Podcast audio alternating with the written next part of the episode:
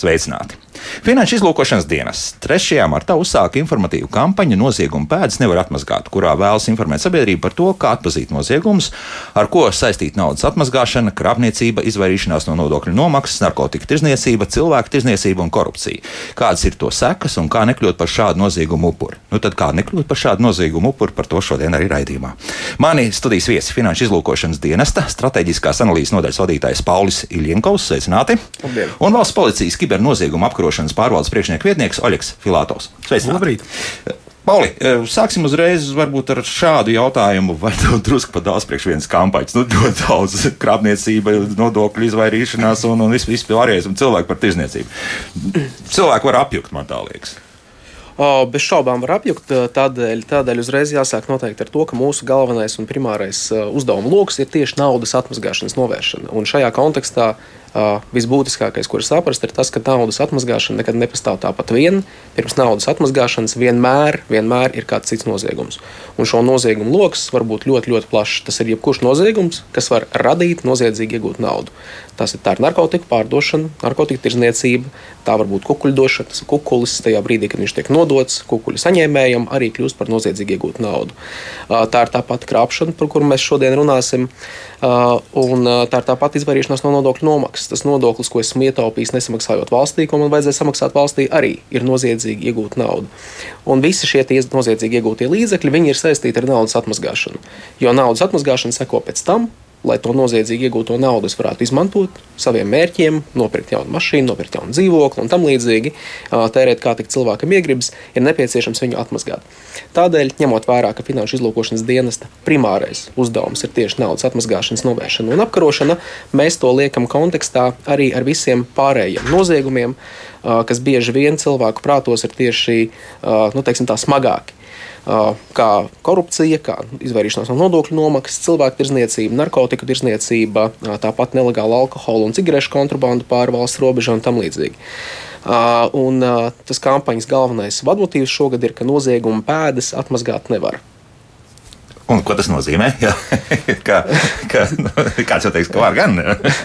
Uh, tas nozīmē to, ka naudas atmazgāšana vienmēr ir tas sekundārais noziegums, kas seko pēc tam. Un, un uh, tas, ka noziegums ir noticis, viņš, uh, tas, ka nauda, kur, kur rezultātā tas noziegums teiksim, bija, pat ja viņu ir izdevies atmazgāt, pat pašu noziegumu atmazgāt nevar. Tur vienmēr ir kāds cietušais, un cietušais ir kāda konkrēta persona, kurai ir izkrāpta līdzekļi, vai kurai ir nodarīts mantisks kaitējums vai kaitējums veselībai vai arī tā ir visa sabiedrība kopumā. Ja mēs runājam par nodokļu noziegumiem vai korupciju, tad cieši visa sabiedrība kopumā. Katrs no mums tā ir mūsu veselības aprūpas sistēma, tā ir mūsu izglītības sistēma. Kurai trūkst naudas? Jā, nu, tā ir valsts labklājība kopumā. Jā. Bet, uh, Kur mums ir lielākās problēmas šobrīd? Ja mēs skatāmies, varbūt cilvēki neizpratē, nu, kur tad es te vispār, man, man tas vispār nekādā veidā neskar. O, nu jāsaka, ka pēdējo gadu laikā, pēdējo 5-6 gadu laikā, kopš 2018. gada, noteikti varētu teikt, ir bijuši ļoti būtiski uzlabojumi mūsu naudas atmazgāšanas, novēršanas un apkarošanas sistēmā. Viņi ir bijuši patiešām ļoti tādi fundamentāli grozījumi gan mūsu tiesiskajā regulējumā, gan tajā efektivitātē, kāda ir, gan piešķirot resursus valsts iestādēm, lai cīnītos ar naudas atmazgāšanu un citiem finanšu un ekonomiskajiem noziegumiem. Līdz ar to noteikti tie draudi ir mazinājušies pēdējos gados. Bet neskatoties uz to, ir konkrēti noziegumi, kuri vēl ar vienu šos draudus rada. Latvijā primārais un galvenais tādā plašākā izpratnē būtu ēna ekonomika. Un ar ēna ekonomiku mēs saprotam ļoti plaši. Tā ir izvairīšanās no nodokļu nomaksas, tās ir aploksņa algas.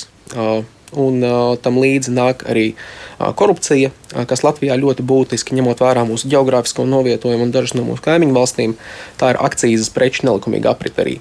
Mēs visi zinām par to, ka mums uz robežas bez maz vai katru nedēļu ir ziņas par to, ka ir kāda nelegālo cigarešu krava notvērta. Tagad tā kā mazāk ir palicis. Jā, jā. Alkohols, degviela, bet tagad, kas ir palicis vairāk, ir sankciju pārkāpšana. Šobrīd jā. viens no ļoti būtiskajiem šiem finanšu noziegumiem, kas rada draudus Latvijā, ir sankciju pārkāpšana. Un mums šie draudi ir augstāki nekā daudzās citās Eiropas Savienības valstīs tikai tā iemesla dēļ, ka mēs atrodamies uz Eiropas Savienības ārējās robežas ar Baltkrieviju un Krieviju. Un, ņemot vērā to, ka tā tirzniecība mums ar šīm valstīm ir bijusi vēsturiski, mēs esam vairāk pakļauti šādam riskam. Līdz ar to es teiktu, tie, tie, tie, tie, tas ir uz datiem balstīts viedoklis, ka jā, izvairīšanās no nodokļu nomaksas, korupcija, akcijas preču nelikumīga aprite, sankcijas un organizētā noziedzība kopumā tie šobrīd ir Latvijas uh, galvenie draudi. Uh, bet kopumā pēdējo gadu laikā tā dinamika ir uh, pozitīva respektīvi uz samazinājumu pusi. Ja? Jo, jo agrāk tā bija tāda sabiedrības ļoti tolerants pret visām šīm lietām. Daugopilī nebija nekāda problēma aiz 95. benzīnu nopirkt uh, no rokas, ja? kā to saka, ja? kas jā, no Baltkrievijas nācis. Un, un, un... Uh, tādēļ katru gadu šīs kampaņas ietvaros mēs arī veicam sabiedrības aptauju uh, par šiem jautājumiem, tieši lai mērītu sabiedrības toleranci pret šiem noziegumiem un to, kāda ir tā vidējā temperatūra sabiedrībā kopumā. Kas to var izmērīt, jā? Nu, tā. Plus mīnus uh, kaut kādu ieskatu vismaz vispārīgu mēs varam gūt, un mēs redzam, ka uh, lielākā daļa Latvijas iedzīvotāju uh, apzinās to, ka finanšu un ekonomisko noziegumu rada kaitējumu gan viņiem, gan visai sabiedrībai kopumā. Tā ir pozitīvā ziņa. Bet tomēr mēs redzam, ka aptuveni 22 līdz 32% atkarībā no konkrētā nozieguma veida savās interesēs finanšu un ekonomisko noziegumu varētu veikt, aizbildnoties ar to, ka tas tomēr manos konkrētajos apstākļos ir ok. Būtu gatavi nesamaksāt kādu nodokli, būtu gatavi uh, savās interesēs nopirkt uh, kādu uh, nelegālu preci kontrabandas rezultātā ievest un tam līdzīgi.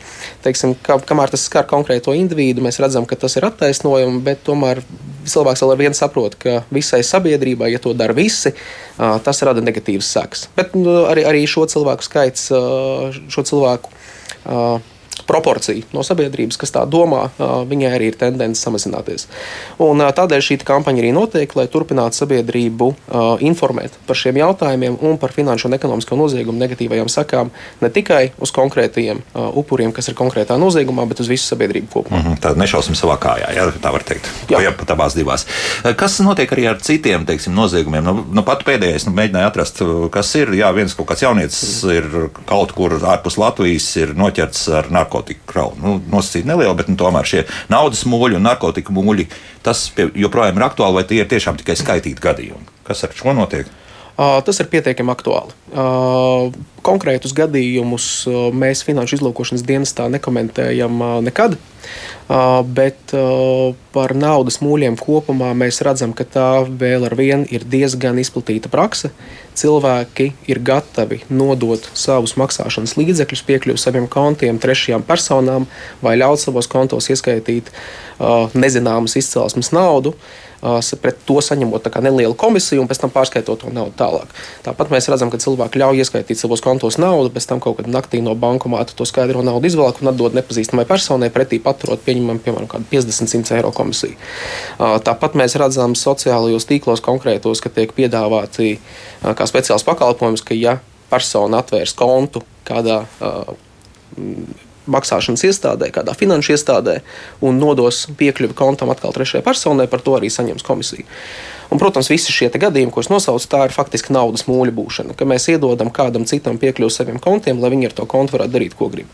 Un, nu, noteikti tas netiek darīts legāliem mērķiem. Ja kāds izmanto šo kontu, tas nozīmē, ka viņi grib slēpties, ka viņi grib radīt kādu šķietamību, ka tie darījumi ir legāli, izmantojot šos kontus un ka, ka tur ir iesaistīti cilvēka bez uh, iepriekšējas sodāmības un tam līdzīgi. Uh, un, uh, tā faktiski ir tā sauktā naudas mūļa būšana, un uh, tas arī ir krimināla sodāmā rīcība. Tā faktiski ir tāpat naudas atmaskāšana. Cilvēks šajā brīdī viņam ir jāapzinās, ka, ja viņš nodod savu uh, kontu trešai personai, un tas tiek, konts tiek izmantots uh, līdzekļu pārvešanai, tā ir uh, ļoti iespējams noziedzīgi iegūt līdzekļu legalizācija, jeb naudas atmazgāšana, un šādās darbībās nekādā gadījumā nevajadzētu iesaistīties. Tas sākas no pirmā eiro, no pirmā centa, vai, vai nosacīt, nu, mēs zinām, ka mēs it kā svešai personai varam aizskaitīt līdz cik tūkstotis. Tur bija laikam valsts ieņem dienas ļāva, ja nu, to, to, to gadu laikā šādu naudas summu pārskaitīt. Līdz ar to es varbūt, nu, kad, nu, to tūkstotu tad es skaitīšu vai neskaitīšu, bet katrā gadījumā tad es vēl jut, jutīšos pasargāts, nu, nosacīti. Ja mēs skaitām legālu naudu caur savu kontu paši, jebkurai personai, tur nekāda problēma no naudas atmazgāšanas viedokļa nevar būt. Labi, Vienkārši jā. nevar būt. Uh, bet, ja es esmu naudas mūlis un caur manu kontu kāds izdzēna 10 eiro, uh, kas ir noziedzīgi iegūti. Uh, tā, tas vēl ar vienu ir noziegums. Iespējams, ka sekas tas būs. ir jau noziegums. Tas jau, tas jā. jau ir noziegums. Jā. Protams, ka no, no konstatēšanas viedokļa un no iespējamo seku viedokļa, jo lielāka summa, jo sliktāk. Bet fakts, ka jau tie ir 10 eiro, tas jau arī neko nemaina. Nu, tas, tas jau ir bijis faktiski. Tas šai summai nav absolūti nekādas nozīmes. Ja? Summai ir nozīme, bet neizšķiroša, teiksim tā. Aha. Un savukārt skaidrās naudas teiksim, pārvešana pāri robežai uz trešām pasaules valstīm vai no trešās pasaules valsts, nu, kas, kas to šobrīd notiek, ir aktuāli vai, vai tas ir mazinājies un sunīši tīri labi izķer? uh, tur ir dažādas tendences, jāņem vērā Covid laika tendences un tas, ka pārvietošanās pāri robežām kopumā bija apgrūtināta, un šo, šie riski gāja mazumā būtiski. Bet Latvijā šeit ir ļoti pilnveidots arī kopš 18. gada, 2018. gada normatīvais regulējums, un ļoti būtiska uzmanība tiek arī tam pievērsta gan skaidrās naudas deklarācijām uz robežas, it īpaši uz Latvijas ārējās robežas ar Krieviju un Baltkrieviju. Uh, ir pienākums deklarēt skaidro naudu, notiek arī pārbaudas, ar to nodarbojas valsts ieņēmuma dienesta muitas pārvalde. Uh, vai kopā ar valsts ieņēmuma dienas nodokļu un muitas policijas pārvaldi. Tur ir arī diezgan daudz, cik es zinu, šo gadījumu, kad kad uh, tā skaidrā nauda ir tikusi apturēta mm -hmm. uz robežas. Kā uzrunā šos cilvēkus? Varbūt uzreiz dosim tādu recepti, jo es pieļauju, ka daudziem varbūt tā finanšu situācija ir kāda ir, un tad varbūt kāds ļoti izpalīdzīgs cilvēks var parādīties vienā brīdī un teikt, reku, tev ir iespēja nopelnīt 200, 300, 400, varbūt vairāk eiro. Nu, būs jāizdara attiecīgas kaut kādas manipulācijas, vienalga, vai tas būtu ar tavu bankas kontu, vai, vai šajā gadījumā vienkārši pārvest pāri robežai kaut kādu konkrētu naudas summu, ja, kas vairākas desmit tūkstoši eiro visdrīzākais varētu būt. Tā vismaz tā liekas pēc tās statistikas, ka tik daudz tiek vests. Jā. Mēs ļoti mudinām cilvēkus absolūti nekādā gadījumā šādās darbībās neiesaistīties, jo pirmkārt tas ir noziegums, otrkārt risks, ko jūs uzņematies, nekādā veidā neatspēko tās sekas kas iestāsies gadījumā, ja jūs tiksiet noķerti, un iespējamība, ka jūs tiksiet noķerti, mūsdienās ir ļoti augsta. Tās ir ne tikai krimināla atbildības sekas, krimināla atbildības sekas, bet no krimināla atbildības izriet arī citas sekas. Tas ir ievainojama reputācija tālāk cilvēkam, tā ir nespēja nodarboties ar konkrētām, ar konkrētām profesijām nākotnē. Jo bieži vien šie naudas mūļi ir ievainojamāki cilvēki. Tie var būt augstāko klašu skolēni, tie var būt studenti, uh, kas, kas piekrīt šādām darbībām, un rezultātā pēc tam ar kriminālu atbildību, pat ja viņi nenonāk ar brīvības atņemšanu, nesaņem saistītu sodu. Sodāmība paliek, sodāmība paliek un tas, tas rada problēmas pēc tam iegūt tādus darbus, kā tiesnesis, prokurors, advokāts par to faktiski var aizmirst. Tāpat darbošanās regulētās nozarēs, kā finanšu sektors, arī, protams, kļūst ļoti, kļūst ļoti apgrūtināts, un cilvēks ar vienu neapdomīgu rīcību Pedagogs arī, starp citu, vairs nevar būt. Jā, pedagogs Jā. arī ir, ir ļoti daudz uh, regulētu profesiju, kur, kur ar sodāmību strādāt būs praktiski neiespējami, un cilvēks ar vienu uh, neapdomātu rīcību var nogriezt sev ļoti daudz tālākas iespējas dzīvē. Bet, uz, ko tiek spiests? Tas ir tiešām tā finanšu situācija, ka tev nav pārāk spīdoši, vai vēl tur ir kaut kādi, nezinu, iespējams manipulācijas, kā tomēr panākt to, ka cilvēks piekrīt kaut kam tādam. Varbūt es varētu nedaudz pakomentēt. Mūsu nodaļa tieši nodarbojas vairāk vai mazāk ar komunikāciju ar šādām personām, jo nereti viņi nonāk mūsu redzeslokā. Piemēram, ja mēs runājam par krāpšanām, tad šie līdzekļi, kas tiek izkrāpti cilvēkiem, viņi attiecīgi tiek novirzīti jau uz kādu, piemēram, naudas mūļu norēķinu kontiem. Kā tad šie cilvēki, kas ir, kas ir motivators, nu, vismaz tām personām, ko mēs komunicējām Latvijas Republikā, tā, tā komunikācija ar viņiem noris divējādi. Vienā gadījumā vai nu cilvēks ir informēts par to, kur viņš piedalās, otrā gadījumā, ka šie naudas mūļu vērvētāji tomēr arī viņu kaut kādā veidā piemāna un apmāna par to naudas izcelsmi. Bet parasti naudas mūļi vēlas iegūt ātri un vienkārši finansiālu labumu. Viņiem samaklā, samaksā par kaut kādus procentus, parasti 5 līdz 10% par. Un tagad visi naudas mūļu vērtēji domā, ka es pateicu, tad cik procentus maksāt. Jā, jā skaidrs. Atklāja komerces noslēpums. komerces noslēpums ir atklāts, jā. Un tad parasti ir 5 vai 10%, kas tiek samaksāts no tās kopējās summas, ar kuru tad kontu tiek arī izlaista. Un tā, tā motivācija arī ir tāda īsā laikā iegūt finansiālu labumu. Un, tie, attiecīgi, ja mēs izlaižam 1000 eiro, nevis mēs, bet viņi izlaiž 1000 eiro caur, caur to naudas muļu kontu, un tie būs no 100 līdz 50 eiro. Viņi saņem uzreiz par vienu darījumu.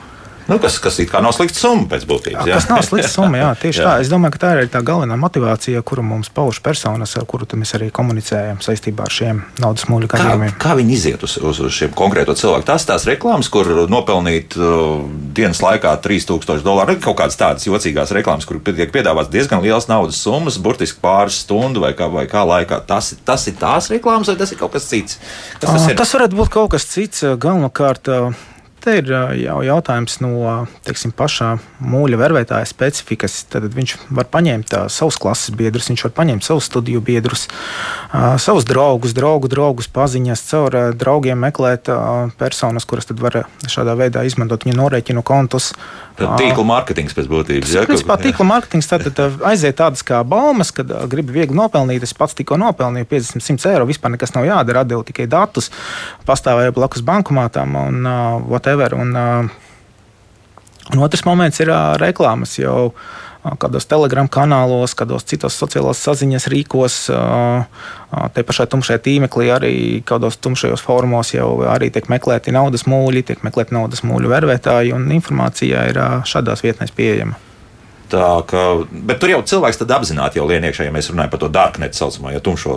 Tad, tad tas jau ir, jau, tu jau sāc tu apzināties, ko tu tālāk darīsi. Jā. Mēs runājam par tumšo tīmekli, tas būs drīzāk kaut kāds naudas mūļu jau vervētājs, kas jau sazinās ar kādiem citiem tālāk cilvēkiem, kuri jau attiecīgi jau veido šo plūsmu no nozieguma līdz naudas līdzekļu legalizācijai. Mm -hmm. nu, Nikola mums jautā, un šis jautājums ik pa brīdiņam tiek uzdots mūsu raidījumos, ja es pārdodu tālāk internetā savus bērnu zābakus vai lietotu telefonu, es arī krāpju valsti. Nu, valsts ieņēmuma dienas parasti saka, ka tur tomēr laikam ir kaut kāda nodokļa jāmaksā, arī tāda pavisam neliela. Tā, tā valsts ieņēmuma dienas saka. Protams, ka reālā dzīvē nu, neviens tur neskries un, un tos pāris eiro tur ne, nemaksās speciāli, bet, bet uh, vai aiz šādu zābaku tirzniecības kaut ko var noslēpt vai nevar noslēpt, kā jums liekas? Nu, ja, ja, ja kāds tā ļoti negodprātīgi sāk pieiet pie tai lietai, bet norāda interneta tajā bankā lodziņā par zābakiem. Pieņemsim, kaut kā patiesībā nekāda zābaka nav. Ja cilvēks patiešām pārdod savus zābakus internetā, tas nav noziegums. Un, uh, un, un, ja tie ir bijuši viņam piedaroši zābaki, viņš viņus pārdod otrreizēji, uh, tad nu, es pakonsultētos ar valsts cieņām dienas. Jā, jā ne, bet, bet, viņi ir teikuši, nu, ka jā, turpat, it kā formāli vajadzētu kā maksāt jā. Jā, nodokli.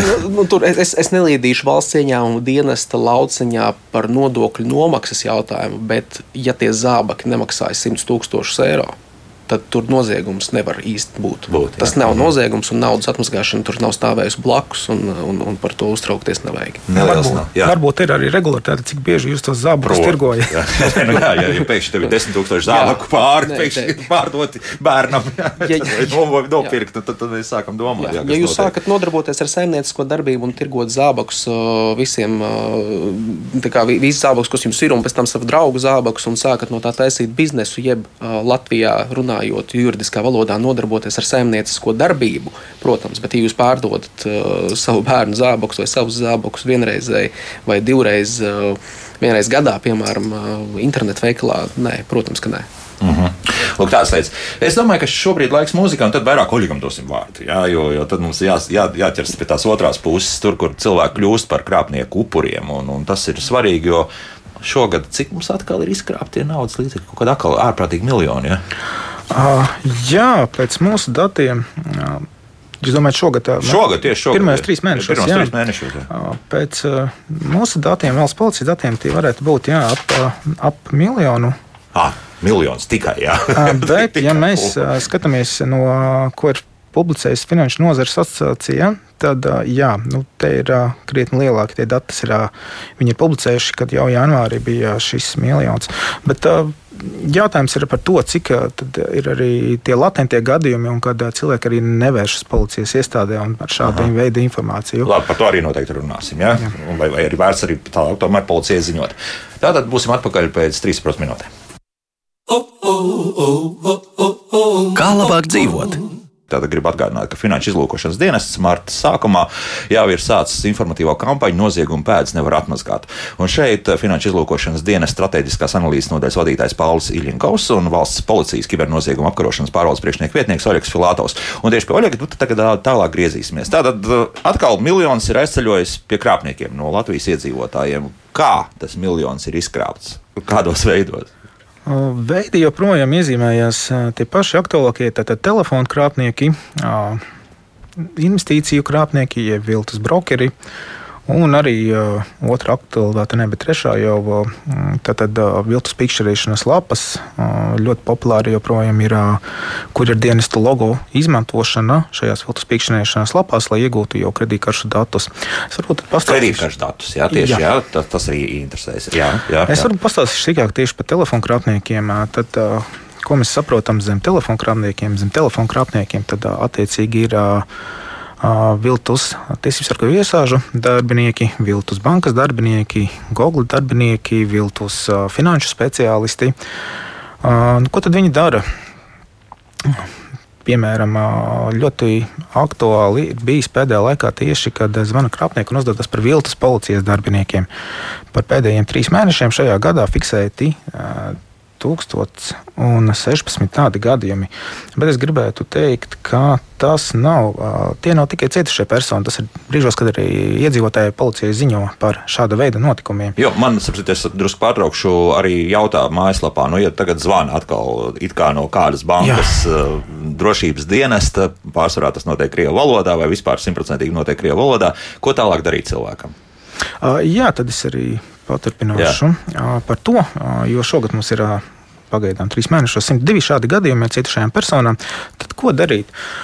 Pirmkārt, skatāmies uzmanīgi, no kāds telefona numurs jums zvana. Ja mums zvana tiešām telefona numurs, kurš it kā ir no kādas valsts pārvaldes institūcijas vai arī no bankas, tas ir iespējams, jo krāpnieki izmanto sarežģītā, īpaši sarežģītā tehniskā veidā viltošos zvanus, jeb spufošos zvanus.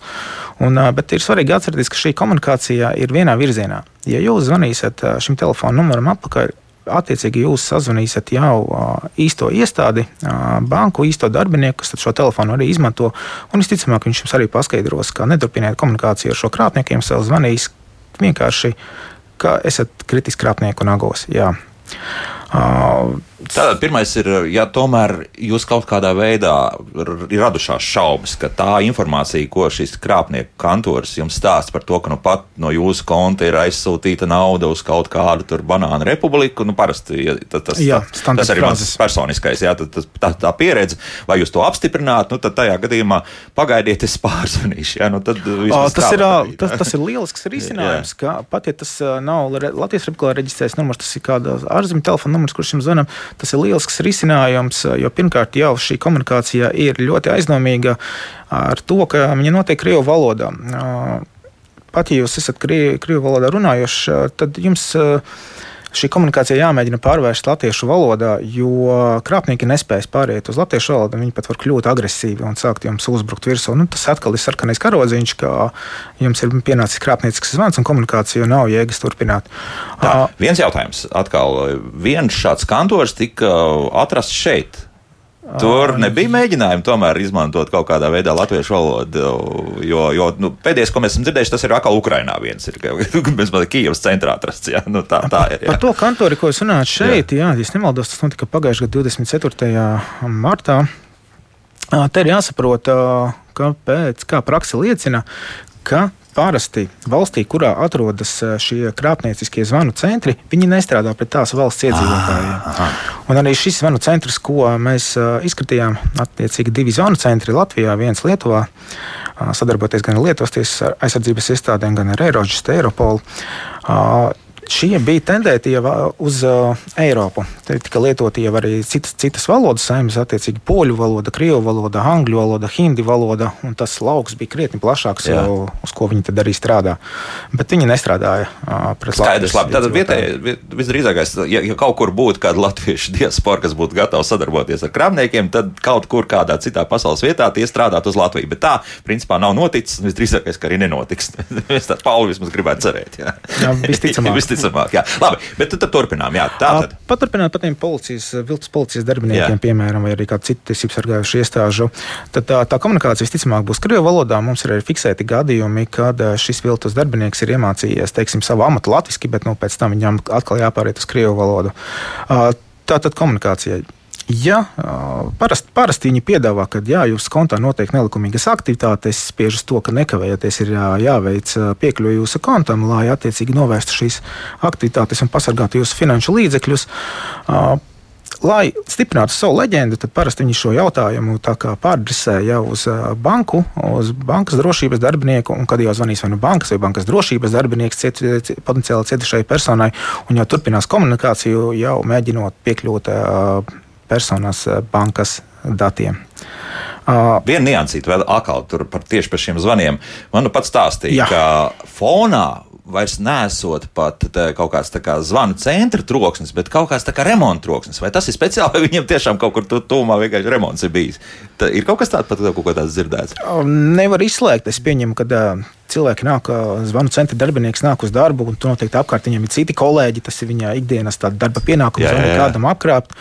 Es pieņemu, ka tie fonu trokšņi var būt visdažādākie. Visdažādākie. Jā, tad tas nav kaut kāds speciāls šablons, nav izstrādājies. Tam, es domāju, ka nē. Jā, tā tad notiek arī kā pāradresācija. Jā? jā, tad uz banku jau, un tad jau bankas darbinieks, viltus bankas darbinieks jau mēģina iegūt datus no šīs personas.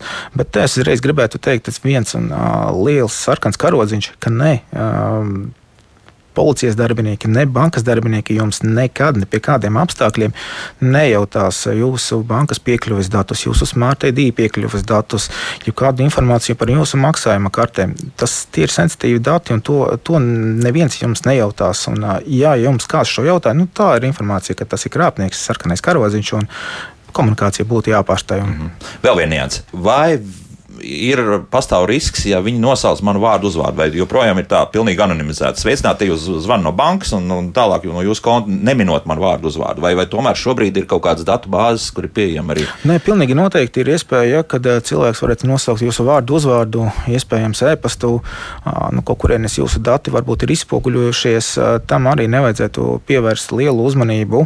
Gadījumā jums rodas kādas šaubas, nu, sazinieties ar valsts policiju, sazinieties ar konkrēto banku, jo steigā steigai noteikti nav pamatā, lai gan krāpnieki jums mēģinās pārliecināt par pretējo.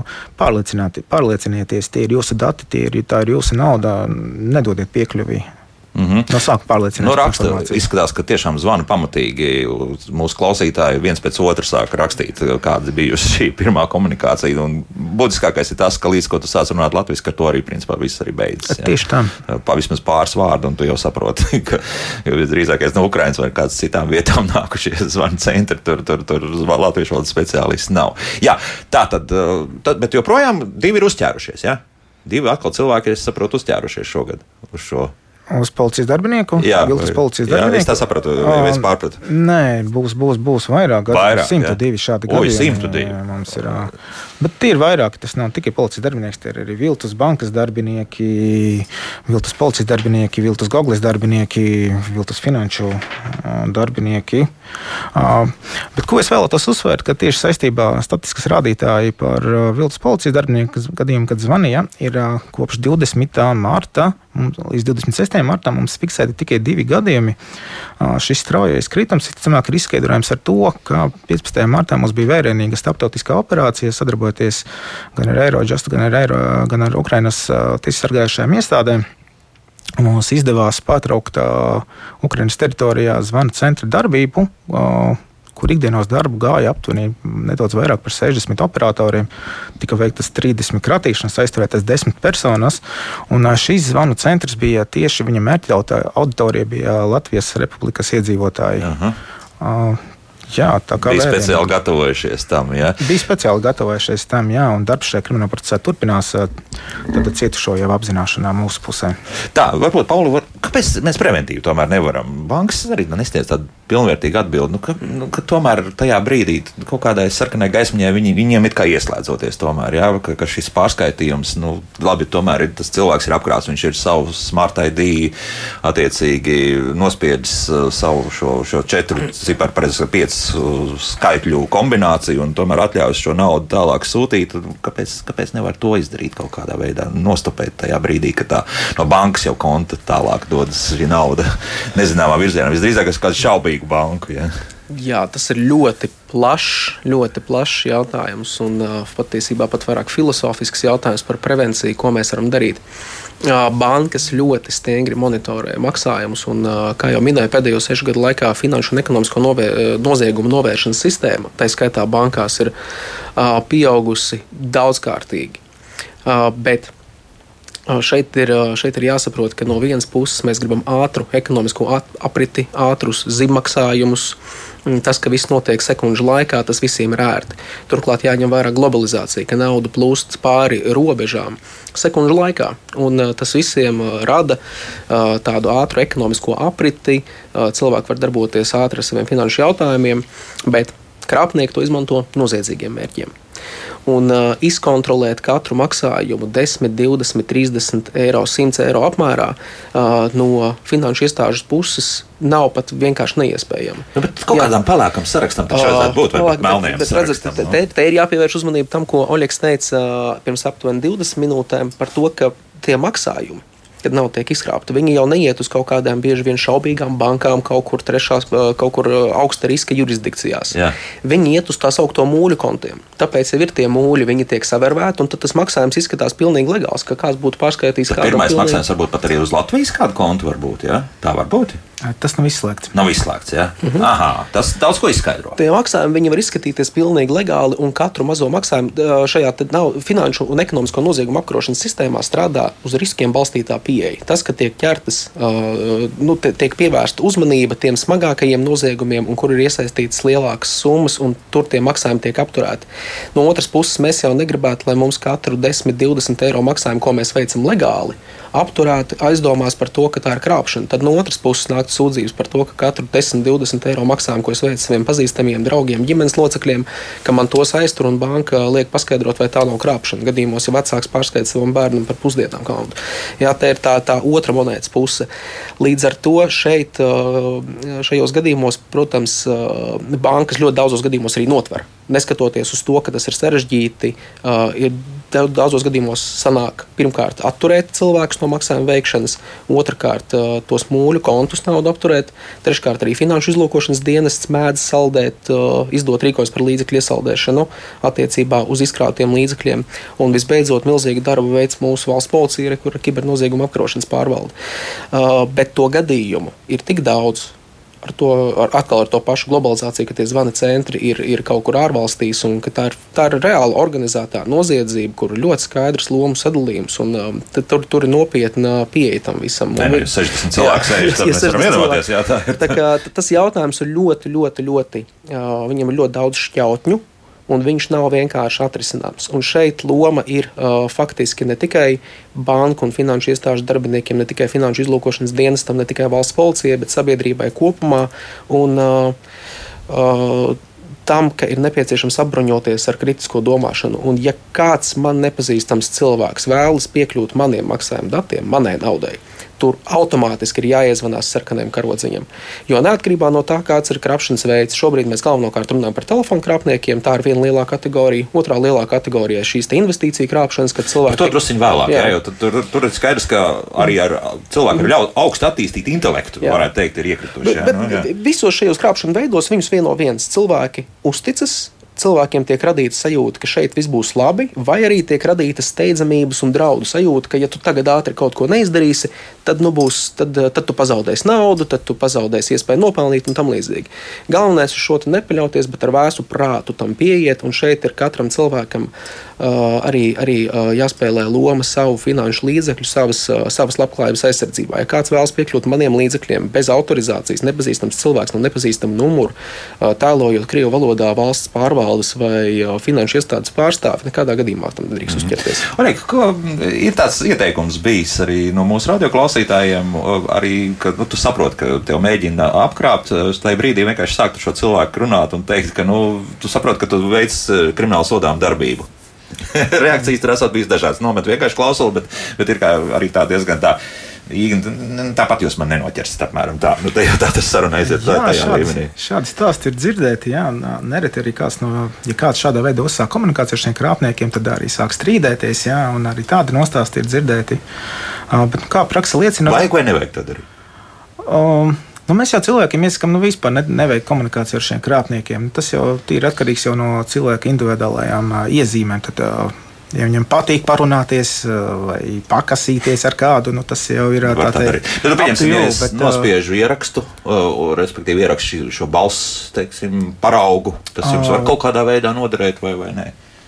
Viennozīmīgi es gribētu teikt, ja mēs veicam jau komunikāciju ar kaut kādiem krāpniekiem, ja mēs varētu ierakstīt šos komunikācijas zvanus, jebkurā platformā tie notiek, nu tas jau mums viennozīmīgi jau kaut kādā izmeklēšanas fāzē varētu liet, liet noderēt, kad mēs jau velkam kādu konkrētu krāpnieku ar kādām konkrētām jau epizodēm, bet nu, tas tā provizoriski izsakoties jau par izmeklēšanas gaitu. Mm -hmm. Šāda informācija, protams, varētu noderēt. Varētu noderēt jā. Tā, nu paklausīsimies, mums kāds klausītājs ilgi gaidīs, un tad atgriezīsimies pie tā, kā nu, tā, tā tie, tās finanšu platformas darbojas viltus. Ja. Lūdzu, jūs varat runāt? Labrīt. Labrīt.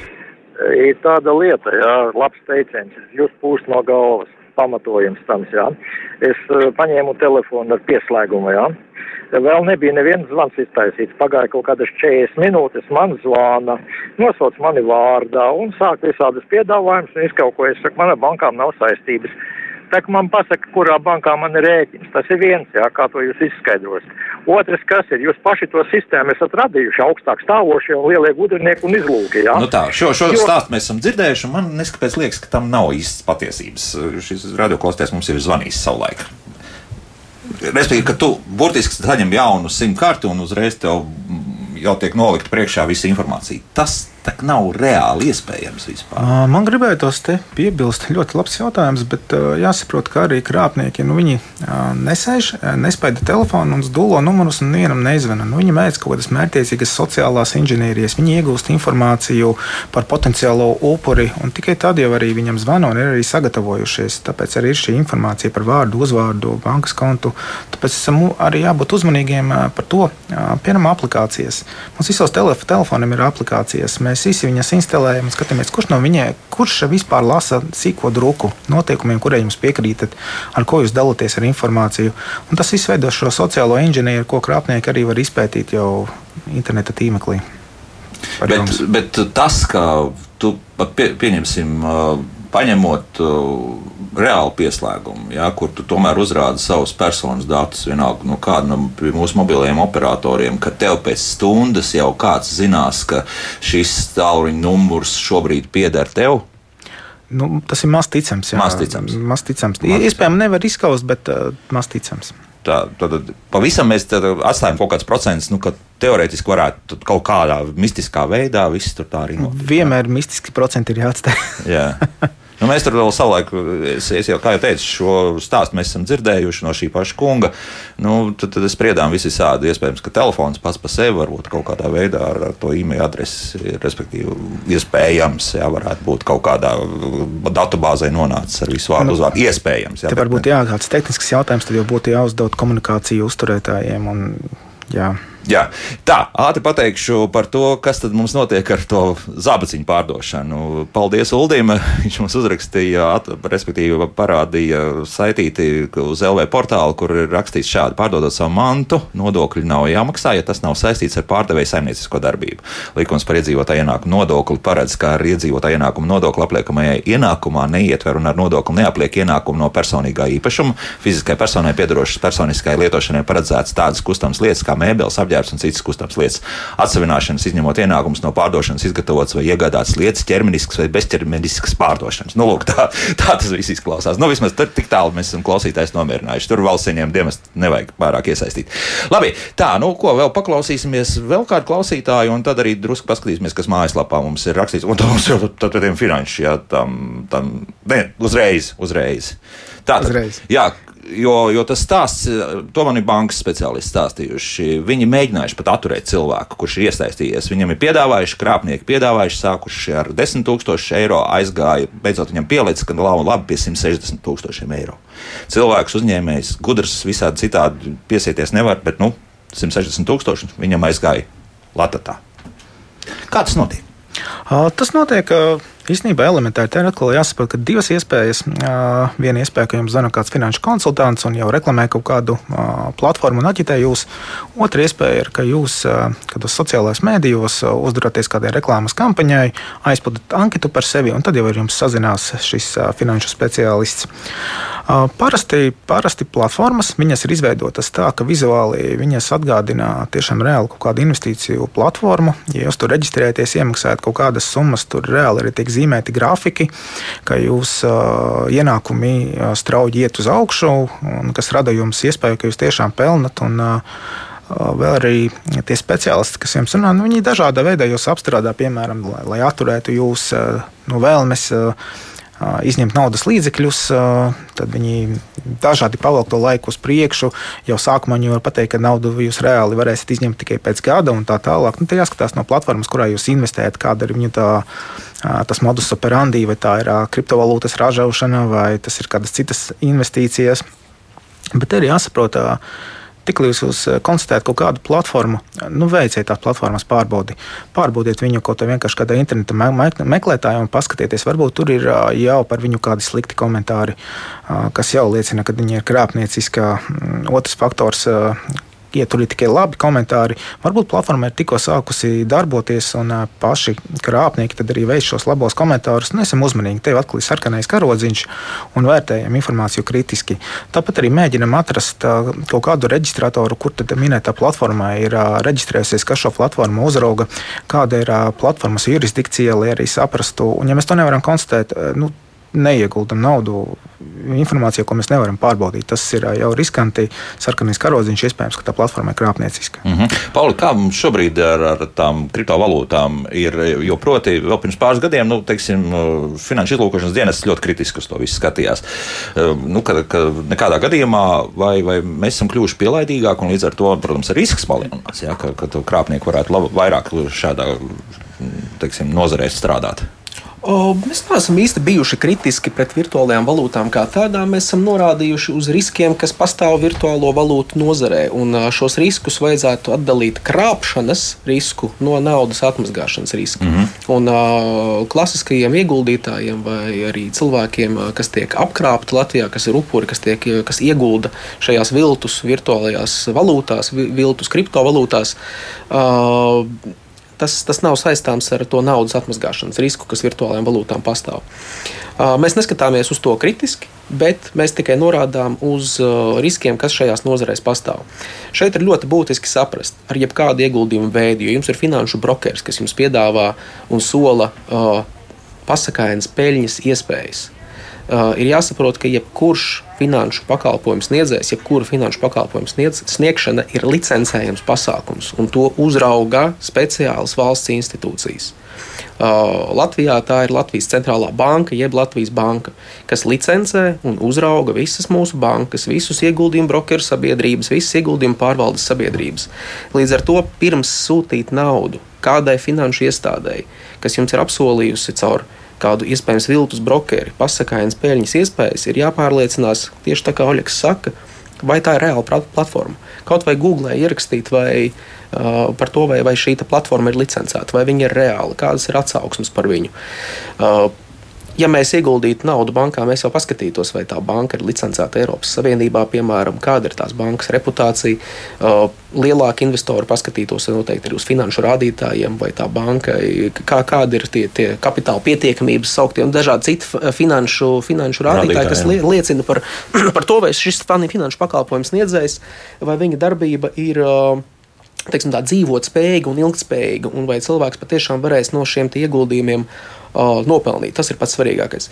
Attiecībā uz virtuālajiem aktīviem, jeb kriptovalūtām. Uh, jā, tie krāpšanas riski pastāv. Arī cilvēks, ja, ja tur virtuālos aktīvus īstus, viņus ir iespējams izkrāpt. Tur cilvēkam ir uh, jāpasargā sevi arī caur vaidu, vaidu saņemot pakalpojumus uh, licencētā un uzticamā kriptovalūtu pakalpojumu sniedzējā, vai nu veicot citus piesardzības pasākumus, piemēram, turot šos kriptoaktīvus tādā noslēgtā, tā sauktajā augstajā makā. Tas ir nianses, kas, kas pastāv kriptovalūtu pasaulē. No naudas atmazgāšanas viedokļa arī, protams, riski virtuālo aktīvu pasaulē pastāv, bet personas iesaistīšanās neapzināti tur praktiski tur ir neiespējama. Tas, jā, tas, nu jā. ir, tas ir ļoti Tas- tas grūti gan. tikt iesaistītam naudas neapzināti. Jā, te var arī piebilst, ka nereti ir saņemta arī informācija no iedzīvotājiem par to, ka zvana it kā kaut kāda uzraugošā institūcija, piemēram, no blockchain.com un informē personu, ka viņas kriptomakā notiek kaut kādas nelikumīgas aktivitātes. Un šādā veidā jau lūdz atkal samaksāt kaut kādu vai nu sodu vai nu nodokli. Un, kaut arī persona saprot, ka viņai nav šāda maka, viņa neko nesaprot no kriptovalūtām, nereti uzķerās un iekrīt šo krāpnieku nagos. Ja jums tomēr rodas šaubas un saņemat šādu zvanu, vērsieties policijā ar informāciju, un tad arī policija varēs visticamāk paskaidrot. Jo šādi arī par to mums ir raksts mājaslapā, ka, jā. ka ir tādas lietas, jā, ka, ka zvana, ka jūsu kaut kādā kripto maciņā kaut kāda kustība notikusi un pārskaitīta. Tur jau, protams, vairāk tiek arī minēts bezmazliet teroristiskām organizācijām vai kas tam līdzīgs. Jā, nu, Tieši tā, tieši tā, Jā. par to ir arī runa. jā. nu, jā, jā, tā kā tur uzreiz saprotat, ka zvans policijai tomēr. Jā, vai, vai. Jūs varat arī atsūtīt kā riska informāciju, lai mēs šo informāciju varam uzkrāt un uh, apkopot un arī brīdināt par to iedzīvotājus. Tad ir mums ir tāda ap- aplikācija, mana drošība. Šeit jūs arī varat nosūtīt mums informāciju, arī uz e-pastu, vai arī vērties uz iesniegumu. Ar iesniegumu, ja tomēr esat apkrāpts, uh, nu, mums ir plašas saziņas iespējas ar valsts policiju. Mm -hmm. Nu, vēl viens klausītājs, kurš mūs gaidīs ilgi, uzklausīsim, lūdzu. Jā, labrīt. E, Par to iepriekš zvanu, kur cilvēciņš ir nopircis jaunu simkārtu vai jaunu tālruni, un viņam zvana, bet viņš nav izdarījis nevienu zvanu. Lieta ir tāda, ka lielākā daļa lietotāju parasti pārnesa vecus ierakstus no tālruņa grāmatas vai no simkartes uz jaunu tālruni, un droši vien šeit ir tie, tie paši vārti, pa kuriem krāpnieki var, Var iekļūt, arī jā. tikt ja, pat nezvanot. Pat jā, nezvanot, jā. jo- Labi, jo- paldies, jo jā. tie- jā. Mhm, jā, nu, ļoti iespējams, ka tieši tā ir. jā. iespējams, jā, kāpēc ne? Nu, dzirdējāt visu informāciju. Tālāk nu, internetā ir atrodama arī pati akcijas. uh, Var aizpildīt, zinām, tā kā anketi, ja, vai atbildēt uz jautājumiem. Tā ir Pauli. Jā, tur, Jā, ir- jā. jā. Tad uh, vēlreiz atgādinu, nozieguma pēdas nevar atmazgāt. Paskatieties internetā, šī faktiski visa informācija arī par to viss ir atrodams. Jā. Jā. Mm. Finanšu izlūkošanas dienas strateģiskās analīzes nodaļas vadītājs Pauls Iljenkovs un valsts policijas kibernozieguma apkarošanas pārvaldes priekšnieka vietnieks Oļegs Filātos bija kopā mums. Paldies, kungi, par sarunu. Rīt eh, Kristiāna mēģinās atrast savu meistaru, savukārt mēs mēģināsim atrast eh, labas elektroierīces, eh, energoefektīvas piekdienas raidījumā. Jaukdien visiem un tā!